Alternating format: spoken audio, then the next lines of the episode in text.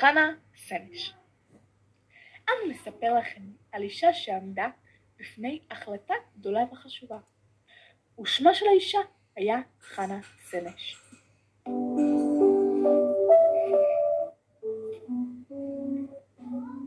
הניקו סנש נולדה בבודפסט שבהונגריה. אבא שלה, בלה, היה סופר ומחזאי מפורסם. הוא כתב ספר ילדים על ילד בשם צ'יבי, שהיה בין עניים.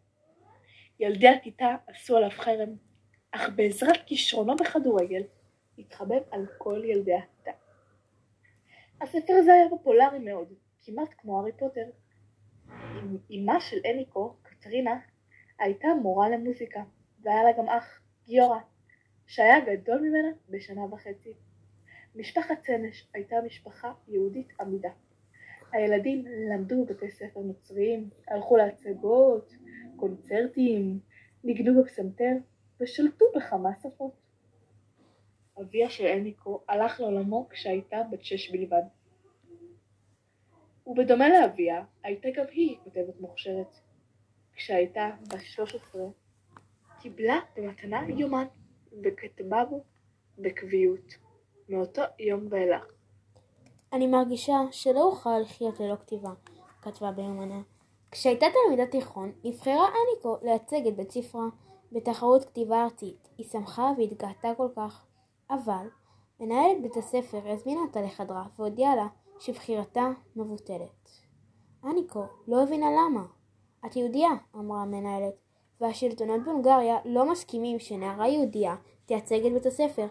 אניקו זעמה על האפליה והגזענות. דווקא המקרה הזה חיבר אותה יותר לשורשים שלה. היא החלה לקרוא על יהדות ועל ציונות.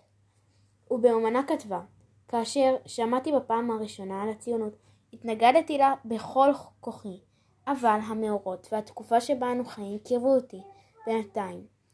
לרעיון הזה אני כל כך שמחה שהגעתי אליו, אני מתגאה ביהדותי ומטרתי לעלות לארץ ישראל. אניקו שאפה להיות חקלאית. היא ביקשה להתקבל לבית ספר חקלאי במושב נהלל שבעמק יזרעאל. קבלתי לבית ספר קבלתי לבית ספרכן הייתה גורמת לי שמחה רבה ואושר רב, היא כתבה במכתב לבית הספר.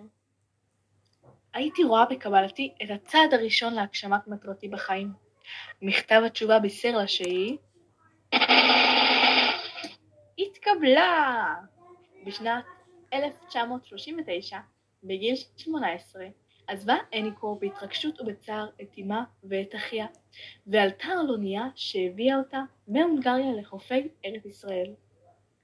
הניקו, שכונתה בחיבה אנה, אימצה לעצמה שם עברי, חנה. האונייה עגנה בחופי, בחיפה, וחנה התרגשה כל כך. למרות הגעגועים לאמה ולאחיה, חנה התרגשה מאוד, בייחוד התלהבה מהעבודה החקלאית. חנה סנש הצטרפה לקבוצה של עולים חדשים שרוצים שהכל יהיה שווה. הם רצו להקים קיבוץ שבו החברים והחברות חולקים ביניהם את הכל שווה בשווה. הקיבוץ החדש שהקימו חנה וחבריה נמצא ליד קיסריה, הוא נקרא שדות ימים.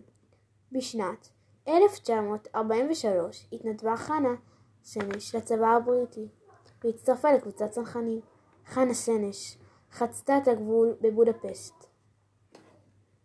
את הגבול להונגריה, אך לרוע מזלה היא נתפסה על ידי החיילים ההונגרים. היא נשלחה לכלא בבודפסט, עיר הולדתה, שם נחקרה בעינויים. סנש הועמדה לדין בבית הדין צבאי הונגרי באשמת ריגול ובגידה בעיר הולדתה. למדנו על חייה המרתקים של חנה סנש. אנחנו היינו רות ואוריה.